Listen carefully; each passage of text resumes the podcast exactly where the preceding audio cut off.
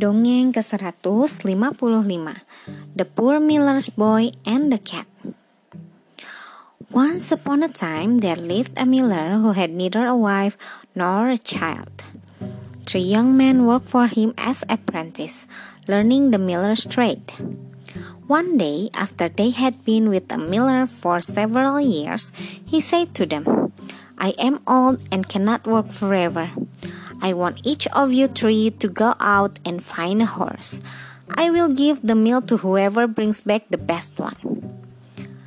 The very next day, all three lads set out down the road on their quest. They walked till it was nightfall without finding any horses. Then they found a cave to sleep in for the night.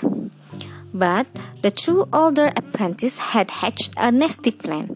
They got up while the third younger apprentice was sleeping and went on their way, leaving him in the cave. Eric, for that was the youngest apprentice's name, woke up very upset to find himself all alone. He wandered out of the cave and set off sadly down the road once more. As he walked, he met a small gray cat which said quite kindly, Eric, I know what you are looking for. Eric was too astonished to speak, so the cat continued. You want to find a beautiful horse, the cat said. Come with me and work as my servant for seven years. Then I will give you one more beautiful than you ever seen in your whole life. Well, this certainly is an amazing cat, thought Eric to himself. Maybe she is speaking the truth. So he went along with her to her enchanted castle, filled with cat servants. They leaped nimbly upstairs and downstairs, and all seemed very happy. In the evening, Eric and the gray cat sat down to dinner. Three of the cat servants played music while they ate. One blew the bassoon, the two the other bowed the fiddle, and the third puffed off his cheeks at the trumpets. Now take him to bed, the gray cat ordered. One cat carried a candle and led Eric to his bedroom. Another cat pulled his shoes off. A second cat took his stocking off, and another cat turned down the bedclothes and blew out the candle. The next morning, the cats returned and helped Eric out of bed. One put his stockings on, another slipped his feet into his shoes, one washed his face and dried it with her tail. Oh, I could get used to this, Eric thought happily. But then it was his turn to start work.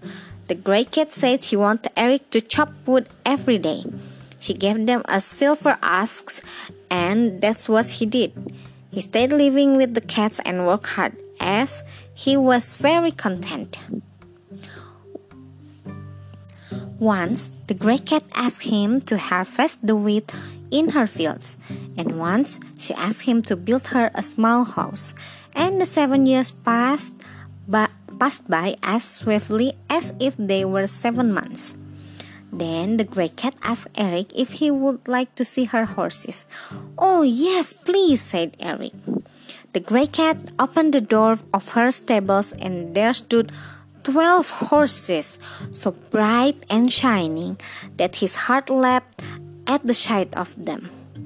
Now, off you go back to the mill, said the gray cat, and in three days' time I will bring you a horse. Eric trusted the cat and he trudged off down the road back to the mill. The other two apprentices had returned long ago, each dragging an old nag behind them. They sneered at Eric and mocked him when they saw him coming. After all, Eric was without a horse, and he was still dressed in the same dirty smock that he had been wearing when they last saw him seven years ago. The two apprentices even said he was too ragged to come into the mill to eat. Instead, they gave him a tiny morsel of supper to have in the barn, where, they, where he had to spend the night on the hay. However, Eric didn't mind. The next morning, three days had passed since he had left the gray cat. As the sun rose, a golden coach came driving to the mill, pulled by six gleaming horses. Behind, a groom rode a seventh. The coach came to a stop outside the barn, and a beautiful princess got out of it. To Eric's amazement, the princess spoke to him. She said, I was the little gray cat whom you served faithfully for seven years. Now, I will reward you richly for all your hard work. She clapped her hands for her butler to come forward. He unpacked royal clothes and dressed Eric in them. When Eric was ready, he looked more handsome than any prince. Then the princess strode off to find the miller. She asked to see the horses that the other two apprentices had brought home with them. They were fair, they were a very sorry sight. One was blind and the other was lame. Then the princess ordered her groom to show the seventh horse, which she, she had brought for Eric. The miller admired the wonderful horse. The mill belongs to Eric, he said, reaching out for the reins. But the prince but the princess shook her head. Keep your little mill, she said, and the horse. Then she sewed Eric into her golden carriage and drove away with him. They went straight to the little house which he had built, and Eric saw that it had turned magically into a mag- magnificent castle filled with treasure. He was richer than he could ever dreamed.